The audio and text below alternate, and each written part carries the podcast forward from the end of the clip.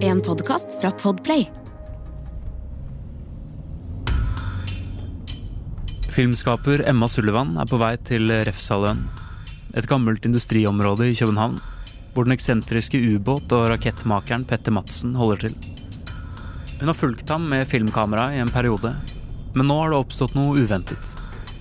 Utenfor verkstedet treffer hun fortvilte medarbeidere av Peter, som forteller at ubåten Nautilus har sunket, og at Peter var om bord sammen med en kvinnelig svensk journalist. Noen gråter, noen stirrer apatisk foran seg.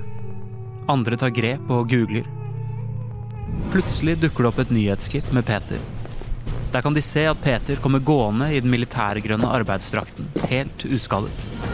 Han sier at han er lei seg, og at han prøvde å fikse ubåten før den sank. Men hvor er passasjeren din? spør reporteren. Det var ingen andre om bord på den turen, svarer Madsen, før han kjøres vekk i en politibil.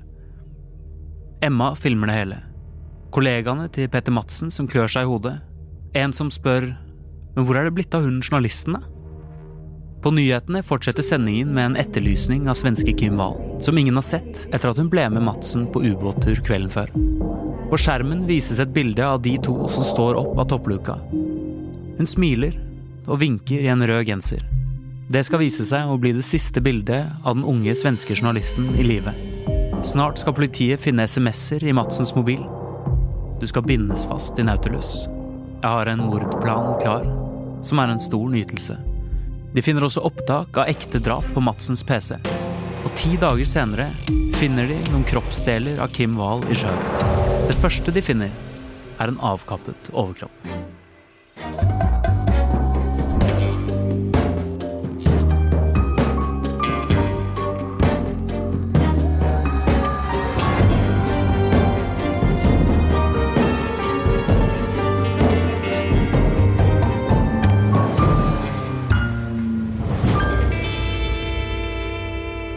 Velkommen til dagens episode av På innsiden av Psykohoder med meg, Jonas Hoff Oftebro, og deg, Susanne Nordby Johansen. Du er jo nevropsykolog og spesialist i voksenpsykologi, og du jobber som rettspsykolog. Ja, det gjør jeg. Og dette må vel være en av de aller mest kjente sakene i Norden i nyere tid? Det er det. Ja. Og kanskje en av de mest medieprofilerte sakene som vi har hatt uh, her i Norden. Det var jo ekstremt mye media medieblest rundt dette her. Og jeg må, jeg må, jo si for min egen del at uh, nå har vi vært igjennom ganske mange uh, saker. Ja. Uh, og det jeg har sett av dette her, er vel det som har treffet meg mest. Hvor jeg mm. egentlig har blitt mest ikke nødvendigvis så veldig forskrekka over hva folk kan gjøre, for det har vi jo vært igjennom ganske mange nå. Men hvor lei meg jeg ble, hvor følsomt det her var, og hvor mye det traff, på et vis. Hva kom det av? Det tror jeg handler om at at jeg kjente på en sånn ja, tristhet. Miste barnet sitt. Ja. Det var forferdelig vondt. Det er jo én side av det her, og så skal vi jo dykke inn i Gods Madsen og se hvem han er. Så kanskje jeg får lagt vekk den følelsen lite grann. Vi skal starte med litt informasjon om eh, Peter Madsen. Peter Madsen ble født i 1971 i den lille havnebyen Sæby i Danmark, hvor faren drev en kro. Moren Annie var 30 år yngre enn faren, og Peter hadde tre eldre storebrødre på morssiden. Men i tidlig barneskolealder flyttet foreldrene fra hverandre, og Peter endte til slutt sammen med sin aldrende far, som han måtte ta mer og mer vare på. Da faren døde, var Peter 21 år, og hadde i lang tid blitt sett på som en nerd, og han hadde hatt få venner på skolen. I stedet hadde han brukt alle krefter på å lære seg rakettvitenskap, og fikk etter hvert en tydelig posisjon i det minimale rakettmiljøet. For de fleste var det en hobby, og til slutt måtte de andre ta avstand fra Peters intense interesse og ville, ofte livsfarlige påfunn. Med årene fikk Peter en tilhengerskare som hjalp han med både økonomisk støtte og arbeidskraft, slik at han kunne bygge egenproduserte ubåter. Som et første skritt til å bygge sin egen rakett. Og i Danmark var han en slags oppfinnerkjendis. Han var også gift fra 2011, men visstnok i et åpent forhold, og kona forlot ham i 2018. Noen måneder etter at han til slutt hadde innrømmet å ha drept den 30 år gamle svenske journalisten Kim Wahl. Til da hadde han avgitt sprikende forklaringer i øst og vest, men sannheten kom til slutt frem. Peter hadde invitert Kim Wahl med på en tur i ubåten, og der hadde han misbrukt, drept og partert henne, før han kastet kroppsdelen i havet og sank sin egen ubåt for å prøve å dekke over sporene. Han ble dømt til livsvarig fengsel, men prøver stadig å regissere nye stunts fra arresten. F.eks. å legge til eller trekke fra flere løgner til drapshistorien. I 2020 klarte han å rømme fra fengselet ved hjelp av en falsk bombe, men han ble pågrepet etter ca. fem minutter.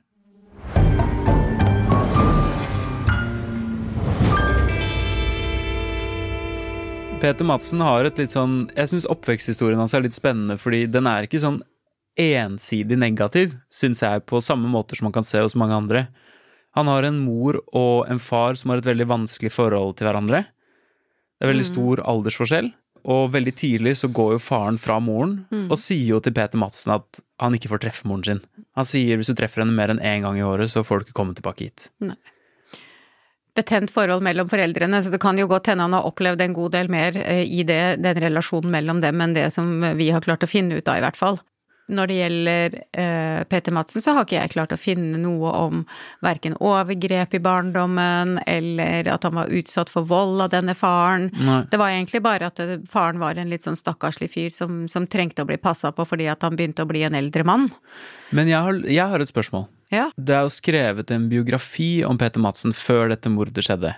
Og der eh, sier han i hvert fall at han opplevde å bli brukt som et sånt våpen i en slags sånn psykologisk krigføring som foreldrene hadde mot hverandre. Mot hverandre. Og det er jo forferdelig trist når foreldre ikke klarer å, å holde barna ute av voksenkonflikten. Og det er klart at da blir du skadelidende på et vis. Ja, og så sier han eh, noe jeg syns er ganske interessant. Han sier at eh, han ikke har noe forhold til moren sin, men det er han ikke så lei seg for.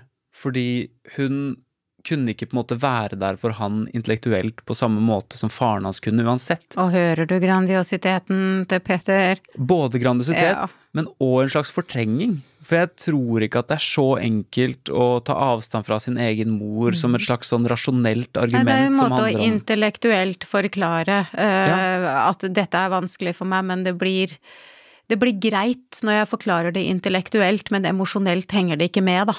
Eh, Dette er egentlig vondt for han, men hans måte å skyve vekk de følelsene er jo å si at eh, hun var jo ikke like smart og intelligent som meg, så hun klarte ikke å følge meg likevel. Og er det lov å komme med en slags sånn dårlig eh, teori her? Ja. Som er at eh, når du på en måte i så stor grad fortrenger forholdet du har til moren din, så kan det også liksom dehumanisere kvinner litt eh, generelt? Eller ditt sånn syn på kvinner? Jeg tror jo kanskje ja, eh, men det betyr jo ikke nødvendigvis at du skal bli voldelig mot kvinner. Eh, Nei.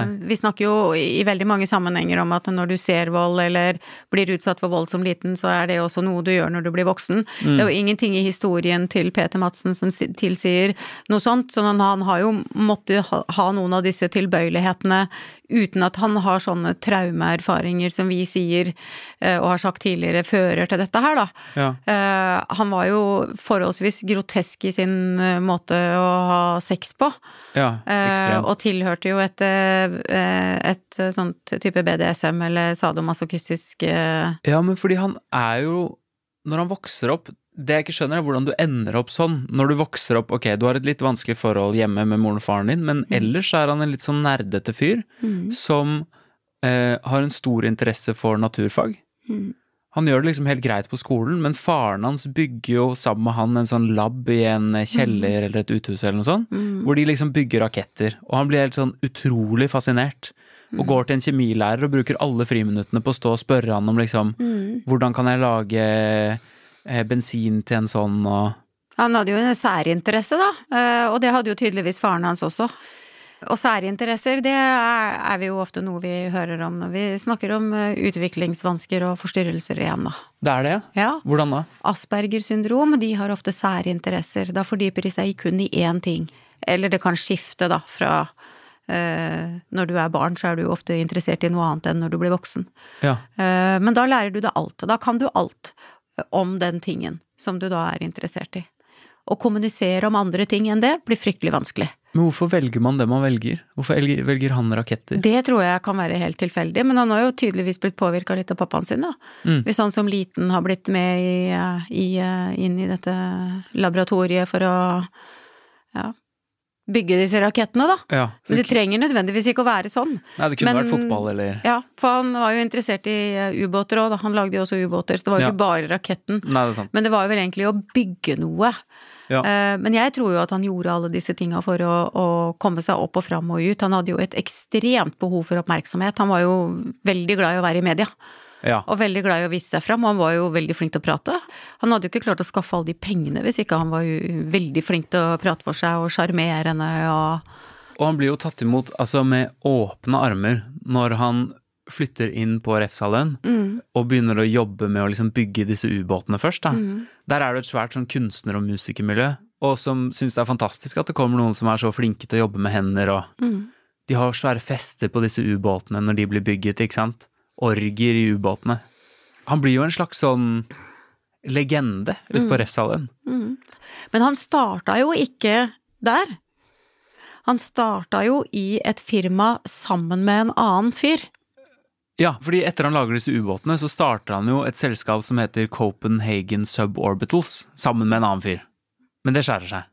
Det som det beskriver for meg, da, eh, det er jo at eh, han klarer seg veldig, veldig bra aleine, og så går han inn i fellesskap med noen, og så skjærer det seg.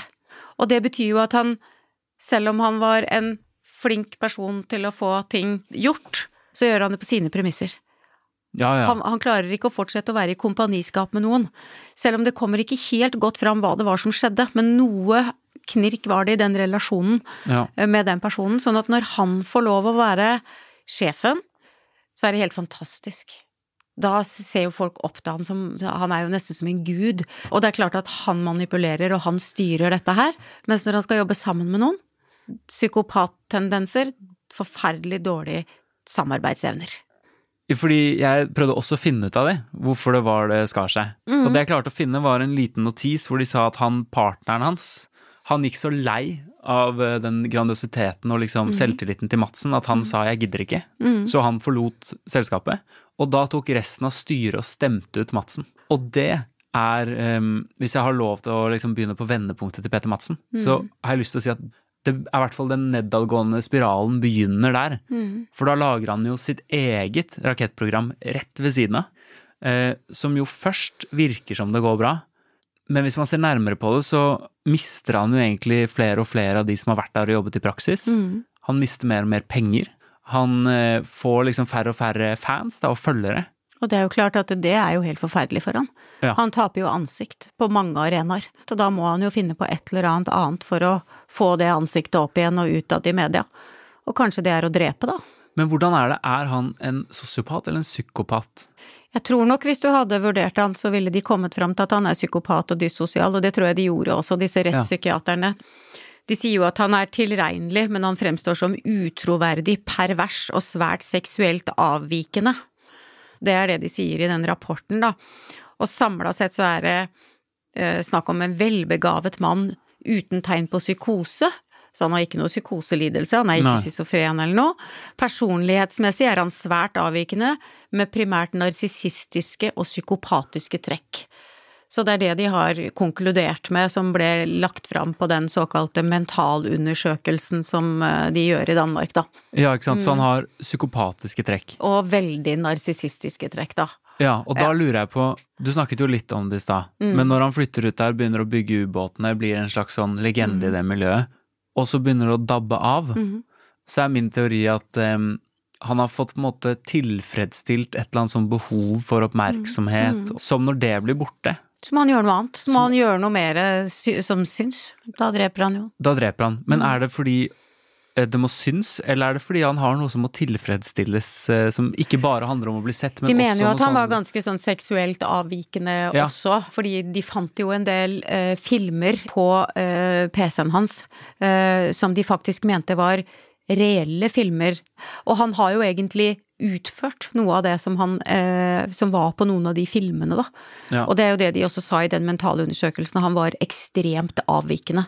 Ja. Eh, Jeg tror de har sett en mann som I den mentalundersøkelsen tror jeg de har funnet trekk og en mann som var helt totalt annerledes enn det han egentlig var fremstilt for. Så det var en bakside til Peter Madsen som de ble overraska over, tror jeg.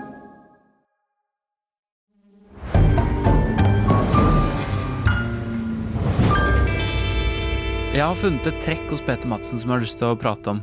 Ja. Som jeg syns er utrolig spennende. Ja, da tar vi det. Eh, han forteller ting som er sanne, men på en sånn måte at de mennesker han møter, tror han tuller. For meg virker det som om han syns han er smartere enn alle andre. Han sier for eksempel til han ene som jobber hos han, ikke gå inn på PC-en min, for der er det helt forferdelige greier. Og det er det. Og han sier i intervjuet med hun som lager filmen om han, og det er rett før han blir tatt, så sier han sånn Det kan jo hende at eh, det du kommer fram til i denne filmen, er at du har intervjuet en psykopat. Psykopat, ja. En fyr som er klin gæren, og han vet jo ikke om han er klin gæren, sitter han og sier.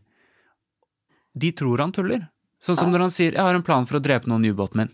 Så sier hun 'ha-ha-ha, du er så gøy', ikke sant, dette er på tull og sånn. Hva han mener du? ja men du, du vil jo ikke tro på sånt. Men hva er det der behovet for å si det allikevel? Han har behov for å være eh, spesiell. Men er det også noe sånn smartere enn andre folk? At du på en eller annen måte avslører deg, men de skjønner det ikke, og det er litt sånn gøy. Kanskje gøy for han å sitte og tenke på. Ja, Nå har jeg faktisk snakka sannheten til deg, men det vet ikke du. At det må være spennende for han. Peter Madsen er jo helt klart en spenningssøkende fyr, og han tar jo sjanser som ingen andre ville tatt. Ja. Og når han da sitter og forteller det han forteller der, så tar han jo en jæskla svær sjans. Og det gir han et rush. Det var gøy. Ja, for det er en slags måte å liksom leke med folk òg. Det der at Og det er jo det han gjorde hele veien. Han manipulerte og lekte med de, og lekte med følelsene deres, og lekte med intellektet deres. Ja. Ikke sant? Han sier jo også på et tidspunkt, eh, nå husker jeg ikke hva det danske ordet som eh, høres ut som hverandre er, men han sier på et tidspunkt sånn 'vi skal hakke deg i hjel'. Og så sier hun 'hva?' Og så sier han 'nei, nei, klemme deg'. Klemme deg i hjel. Klemme deg i hjel. Så han sitter jo egentlig hele tida og tenker på hva han har lyst til å gjøre med den journalisten som sitter og intervjuer han. Ja, Og det er det der vi kaller for en sånn såkalt eh, Freudian slip of the tongue. Da sier du det du egentlig tenker på, men du ville egentlig ikke si det. Og så kom sannheten ut, og så pynter du på det i etterkant. Den er ikke god. For det er det han sitter og har i hodet sitt.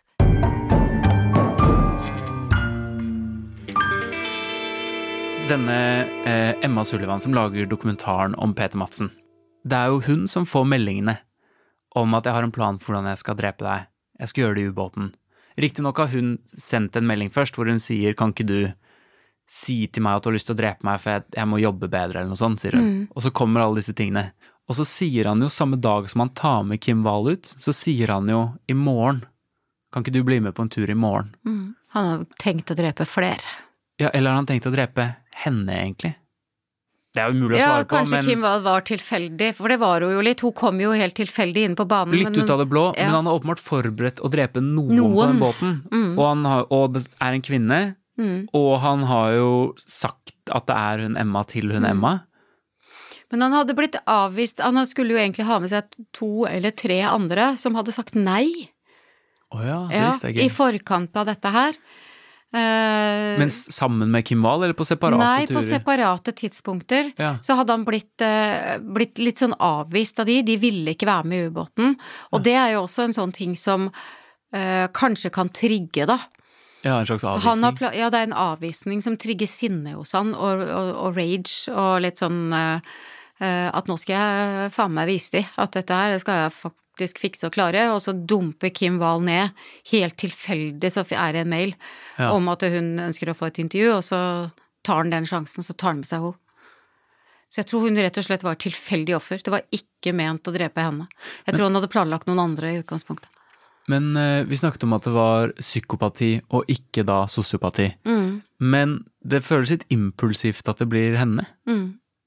Men det er jo fordi at han da eh, får en eh, Han har planlagt å ta med seg noen andre, Ja. og så får han nei. Ja. Uh, og så er han jo sånn at han skal gjennomføre. Ja. Når du har begynt på noe, så skal du gjennomføre det. Og han får jo ikke gjennomført det han har planlagt til det tidspunktet han har planlagt det, hvis ikke han får med seg noen. Nei. Og da kom jo hun inn på sidelinja og var den som da han tok, da. Etter at drapet finner sted på ubåten, så senker han jo ubåten, og så kommer han i land. Det er irrasjonelt. Det er livsverket hans, dette her, altså. Hva er det? Det lurer jeg på. Ja, men det lurer jeg også på, nemlig. Mm. Fordi han senker ubåten, og den blir jo heist opp igjen. Og da er det jo en av de som jobber for han, som sier du må være idiot for ikke å se at den ubåten er senket med vilje. Så han gjorde det jo med vilje. Men han har på en måte ikke tenkt over hvordan han skal komme seg unna med det. Er ikke det rart at han senker ubåten sin? Han har planlagt At Ja, han han skal hadde drepe henne. planlagt at det skulle se ut som en ulykke. Han hadde vel ikke planlagt at, det, at de skulle finne fram til noe på, på PC-en hans og arrestere han og begynne å ta opp ubåten. Ja, men jeg, det jeg mener er, hvis du har tatt med deg en, eh, en journalist ut, og så blir hun aldri sett igjen Noe av det første de måtte ville sjekke, tenker jeg er jo den ubåten. Men det tenker ikke han, for han tenker kanskje Han sier jo til og med at det var ikke noen med, men så må han jo gå tilbake på det, for det er jo noen som har tatt bilde av de på veien ut. Og det, det, er, det er jo da løgnene hans starter, og det er jo da trøbbelet hans egentlig starter. Det er jo når noen konfronterer han med at ja, men var ikke hun på båten din i går kveld? Så det er når han blir konfrontert, det- at han begynner å tulle seg inn i løgner han egentlig ikke har kontroll over, for det var ikke det han hadde planlagt. Men dette føler jeg er liksom typisk med de psykopatene vi prater om. De har ofte liksom detaljerte planer for mord, og så har de ikke tenkt like mye over hvordan de skal komme seg unna, komme seg med det. med det. Men det er ikke hovedårsak, det er ikke hovedvekta heller. Det er jo drapet som er det viktigste. Det er jo det som gir det han ønsker seg av voldelighet og blod og gørr og Ja, for det er noe med at du kanskje, når du til slutt gir deg over til de lystne du har hatt, så er det det som er det viktige, Mm. Men hva, ikke liksom vet vi at det var det siste og eneste drapet hans, da?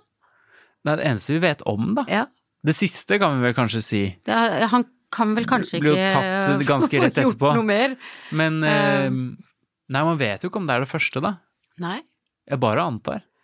Ja, vi vet jo ikke noe om Det er jo ikke noe historie på noe som helst. Men det som det er historie på, Ja. er jo at uh, Peter Madsen var jo akkurat lik type som, uh, som han uh, Lundin, som alle forelska seg jo i. Og kvinnene forelska seg inn, og Ja. til og med en fengselsbetjent forelska seg jo i han. Og endte jo opp med å miste jobben sin, for det var jo noen som fant ut av det. Og hvorfor forelsker de seg i han, da? Jeg syns det er gøy at du stiller meg det spørsmålet. Ja. Fordi, eh, så vidt jeg husker, så var det en annen rettspsykolog som lot seg fascinere litt av Peter Lundin eh, Ja, det var tidligere denne sesongen. Ja, Eh, så Huff du meg. sitter jo på det svaret, føler jeg. Men, Jeg gjør jo det, eh, vet du. Ja. men eh, nei, altså, på en eller annen måte så er han jo eh, fascinerende. Mm. Han er jo åpenbart en veldig sånn smart fyr. Og så I tillegg så har han en eller annen sånn grandiositet som når du kombinerer det med et sånt prosjekt, Mm. så er det på en eller annen måte inspirerende å se på. Mm. Han minner jo litt om en slags sånn dansk lavbudsjetts Elon Musk. Mm. Han vil liksom ut i verdensrommet, han vil oppnå noe, han vil liksom gjøre et eller annet stort, da. Ja, og så tenker jeg at kanskje noe av det de, det de ønsker er å få en følelse av at de også er spesielle sjøl, når de da eh, er sammen med en person som er så profilert. Og kanskje det egentlig er eh, sårbare kvinner som vil fram og bli synlig, eller at de, blitt tiltrukket av den ondskapen, da. At de egentlig er like crazy sjøl, Er det murder by proxy? kanskje. At du på en måte blir sammen med en som eh, Ja. har gjort sånne forferdelige ting? Ja. Er det, det må være et sånt oppmerksomhetsbehov. Ja, de ønsker vel å være ganske spesielle. Eh, og så har de jo fått et eh, ganske sånn fint diagnostisk navn, da. Det å forelske seg i drapsmenn. Ja, Ja. hva er det? Jeg har aldri hørt det før, så det er helt nytt for meg. Så jeg aner ingenting om de diagnostiske kriteriene, annet enn at det mest sannsynlig er da å forelske seg i drapsmenn. Ja. Det heter hybristofili. Hybristofili. Ja, og hvis vi da skal snakke om fili, da, altså Ja. så har vi jo pedofili, vi har eh, alle disse her andre tinga som du kan forelske deg og få seksuelle opphisselser så det hører til i den derre fila, Ja. med de disse filiene. Ja. Eh, I diagnoseboka, antagelig. Jeg har faktisk ikke slått det opp, altså. Men så fili, er det en slags form for tiltrekning, og hybris, er Kanskje det de tiltrekkes av? Da? til- et drap, da. Det de tiltrekkes av, da, kanskje. Ja. Jeg har ikke slått det opp, jeg syns bare ordet var interessant spennende, og at det da heter å forelske seg i drapsmenn. Vi må også prate om um, at Peter Madsen prøver å komme seg unna det som har skjedd ved å finne opp masse sånn forskjellige løgner. Først så lyver han og sier at hun fikk eh, luka til ubåten i huet. Mm. Og så sier han at hun fikk kullosforgiftning, og at han dekket over dette ved å partere og senke henne. Er det for å få mindre straff? Han tenker vel kanskje at han skal prøve å komme seg unna det, og at det var en ulykke, da. Jeg tror ikke han hele tida tenker at dette her må jeg prøve å komme meg ut av på et vis. Han er jo ikke akkurat fyren som har det godt i fengsel. Nei. Innafor en, eh, en lita celle med, med fire vegger, og som døra ble låst klokka ti om kvelden. Nei, nettopp. Han er jo en fyr som skal være ute i Han har jo planer om å komme seg ut i verdensrommet, og så sitter han inne i fengsel. Så han må jo gjøre alt det desperate han kan for å kunne klare å komme unna med dette her.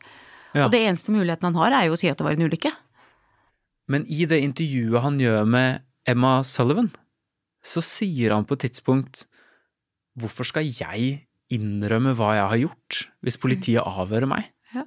Jeg vil jo bare finne på all mulig løgn. Ja, han sier jo at han vil lyve òg. Og det er det Hvorfor det? Det skjønner jeg ikke. Altså Selvfølgelig for å komme unna, men er det det også er et slags sånn spill? leker, liksom? om det er noen som leker katt og mus, så er det jo kanskje han. På Ja. akkurat samme måte som det John Wayne Gacy gjorde. Han lekte jo katt og mus med politiet, og han tenkte han skulle komme unna med det meste. Så de har jo ganske sånne like trekk, syns jeg. Selv om de har litt forskjellig atferd, så har de en del egenskaper til felles, da. Ja. Eh, Dette har jeg tenkt å prøve å komme meg unna, og jeg er så, jeg tenker jeg er så stor og høy på meg sjøl at jeg tenker at dette klarer jeg å komme meg unna. Grandiositeten skinner jo gjennom som bare det. Ja, for det er det jeg lurer på.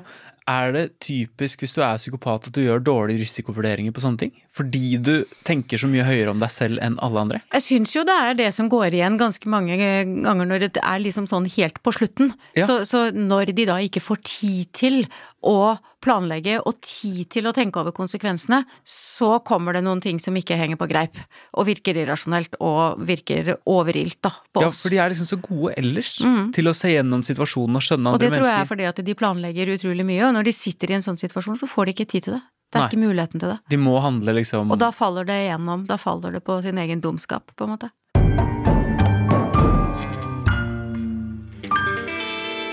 Hvis du skulle gjort en eh, vurdering på Peter Madsen, hvis han hadde klart å komme unna med mordet på Kim Wale, tror du han var Hva er gjentagelsesfaren for en eh, som Peter Madsen? Ja, når vi vurderer det, så vurderer vi det basert på historiske kriterier. Ja, Eh, hva er det for noe? Historiske kriterier er hva har du gjort før, Ja, ja. og hva slags eh, historie har du på psykiske lidelser og, og atferdsvansker etc. Og så baserer vi det på det som er fakta her og nå, og vi kan si noe om hva er sannsynligheten for at du da gjør det, eh, kommer til å kunne gjøre det på nytt igjen, da. Ja. Så det er liksom tre kategorier, og med da mange underspørsmål knytta til det, da. Historisk sett så har jo ikke Petter Madsen noen ting. Ja, det er ikke noe kjent vold. Det er ikke noe kjent uh, seksuelle overgrep. Det er de videoene, da, men det, det teller ikke, liksom. Ja, men det, det er at han er interessert i det, og Ja. det er litt sånn her og nå. Det er ikke Ja. noe historie på ting som du liksom setter sånn i bakover i tid, da. Okay. Han, da, da må du være ting du har gjort. Mm. Han har ingen dokumentert psykisk lidelse fra før av. Nei. Han snakker om vold. Han snakker om egentlig å partere, han snakker jo litt om det, sånn at du kan få en tanke om at han kanskje har noen voldelige forestillinger og syns at det er ok. Og hvis du skal tenke på sånn fremtidighet og, og om de har planer for framtiden sin, og om de har noen reelle, realistiske planer, man ville ikke få noe særlig på de kriteriene, fordi at han hadde planer om å komme seg ut i verdensrommet, han skulle komme dit på den og den måten. Mm. Eh, De som er urealistiske, de har på en måte ikke De har ikke livet sitt på stell, da, når vi voldsrisikovurderer. Sånn at hvis jeg skulle tenkt bare den, eh, altså brukt en sånn eh, klinisk kartleggingsgreie, Mm. så ville han kanskje kommet ut med litt sånn type moderat, men ikke noe veldig høy risiko gjentagelse, liksom. Men sett bort ifra den, Ja. i en sånn sammenheng, så ville jeg jo ikke bare brukt et klinisk verktøy. Nei. Jeg ville jo også sett på hva han har gjort og hva han har sagt, og hvordan han uh, forholder seg. Og ikke minst basert på hva han uh, har av videoer, og hvordan han er som type, hvilke andre diagnoser man finner hos han, da. Ja. Så narsissisten og eh, psykopaten, hvis han scorer høyt på psykopatiskalaen eksempel, og da har gjort faktisk det han har gjort, så ville jeg tenke at eh, akkurat som eh, John Wayne Gacy her, ville jeg skrevet eh, stor grad av gjentagelsesfare. ja, du Hvis han han det. hadde ja. sluppet unna med det her, ja. Oppsummeringsmessig, da. Hva går det an å kjenne seg igjen i, Petter Madsen? Ønske om å bli en oppfinner. Som alle ser opp til, kanskje. Ja. Ja. Ønske Eh. om å være første mann i verdensrommet som eh, eh, har klart å lage noe for å komme seg dit på egen hånd uten egentlig noe særlig støtte i det hele tatt. Ikke noe stort romfartssystem. Men det er jo sånn konkrete ting. Ja. Sånn, sånn personlighetsmessig trekk og sånn, så har jeg ikke lyst til å kjenne meg igjen i noe. Men jeg syns jo, selv om jeg tror ikke han har den motivasjonen jeg på en måte beundrer, så beundrer jeg det derre eh, målet om som sivil Mm. å komme seg ut i verdensrommet, eksempel. Stå-på-vilje. er en sånn stå-på-vilje, og, uutdannet, på en måte, så Mm. klarer han å få med disse menneskene til å tro på et slags sånn fellesprosjekt. Mm. Selv om han jo er gal, da. Og man trenger jo sånne mennesker for å komme videre her i verden. Altså, han er jo ikke den eneste som uh, ikke har utdanning og har kommet seg det ganske langt i forhold til å, å finne opp ting eller gjøre ting. Absolutt. altså Sånne mennesker er jo enten veldig bra eller veldig farlig. Mm. Eller begge deler. Og han er kanskje begge deler. Men egentlig så ønsker vi kanskje ikke å kjenne oss igjen i noen ting når det gjelder Peter Madsen, altså. Nei. Nei. Det gjør man jo sjelden til disse episodene, Ja, det, egentlig. vi, vi har vel Vi har jo jobba litt for å komme fram til hva er det vi ønsker å kjenne oss igjen i, og ikke, ikke Ja. ønsker å kjenne oss igjen i her, da. Det er vel mer vi ikke ønsker å kjenne oss igjen i enn en, eh. Men vi har alle disse personlighetstrekka, altså, Jonas. Ja. Så mest sannsynlig så kan vi kjenne oss igjen både i narsissisten og psykopaten og den antisosiale og dyssosiale og Egentlig så kjenner vi oss jo igjen i alle trekka, for alle trekka fins jo i personlige Altså i oss som mennesker. ja, man kjenner seg liksom igjen i litt av det, men man vil ikke stå inne for hele Det er jo, spekteret. det er jo derfor ikke alt er diagnose heller. Mm. Hva med, altså, hvis naboen din er Peter Madsen? Hvis naboen din for eksempel eh, kommer innom en dag og sier sånn Nei, så fine blomster du har. Jeg har jo jeg har samboeren min jeg vet liggende i blomsterbedet mitt. Bør man da være sånn ok, det der, første tegn. Strike one. Ja, når det gjelder meg og deg, Jonas, og alt det vi har lest og kartlagt og prøvd å finne ut av nå, så ville vel det røde flagget gå helt til topps, antagelig. Ja, Ja. Fordi at vi vet det vi vet. Eh, Men jeg tror de fleste mennesker ville tatt det som en eller annen sånn type makaber humor. Fordi at det er, så, det er så makabert at vi har ikke lyst til å tro på det. Men, men eh, et rødt flagg er det jo Vi har jo vært borti flere som, eh, som eh, formidler en del ting som eh, ligger mellom linjene, som det heter, da. Ja. Ja. Eller sier det rett fram. Ja. Det er ikke noe mellom linja, det er midt på linja. Midt på linja, ligger i blomsterbedet. Ja. Ja. Men det tenker jeg eh, er skummelt, fordi det er jo mange folk som tuller sånn. Mm. Men Ja. kanskje man må se på de Og tror du ikke det er de derfor de tuller på den måten? Fordi de vet at det er en form for humor som egentlig ingen tror på? Uff, ja, man må, må, det kan jo ikke bare være Alt kan jo ikke være sant. Nei, det kan jo du håpe, men eh, det kan jo godt hende alt er sant. Nå begynner du å tenke på alle kompisene dine som kanskje har kommet med noen sånne ting på et eller annet tidspunkt, og du lurer på nå, er det noe i det? Ja, Tenk, trenger jeg å ta et opprør, tenker Ja. jeg nå. Må jeg liksom finne ut av det her. Det tror jeg du må gjøre. Ja. Ja, det var en lystig slutt på uh,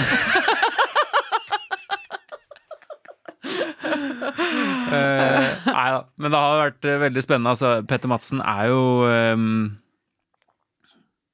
Jeg syns det er en veldig spennende sak. Han er eh, liksom Han kommer litt nærmere oss, egentlig. Litt lenger inn til oss. Litt fordi at det faktisk har skjedd i, nede i skjærgården her, Ja. føler jeg. Ja, ja. Eh, også litt fordi at det blir eh, Altså, når Jeg sa litt om det helt i starten, hva jeg egentlig kjente litt på. Mm. Eh, det, det kjennes nærere ut på et vis når det blir portrettert i disse true crime-seriene den andre sida.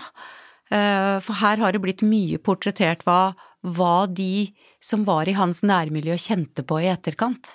Ja. Og det var så mye vonde følelser, og så veldig mange mennesker som følte seg så forrådt. Ja. Og den forrådte følelsen, tror jeg, den, den er vond for oss å kjenne på. ja, ja. Det å bli forrådt av en person som vi egentlig ser opp til. ja, det kjenner jeg også på. Ja. Og da tror jeg det gjør, det gjør vondere, det blir nærere, det blir mer ekte for oss, eller eh, på et eller annet vis, da. Ja.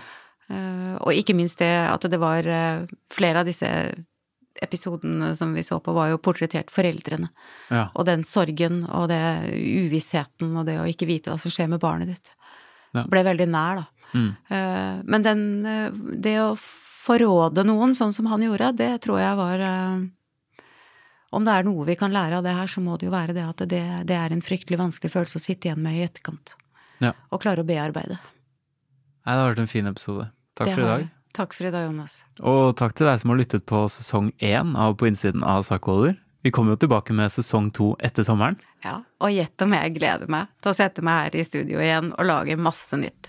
Nå Ja, skal jeg vi drive research, og så skal vi komme med noe veldig spennende til høsten. Ja, det skal vi. Vi høres til høsten.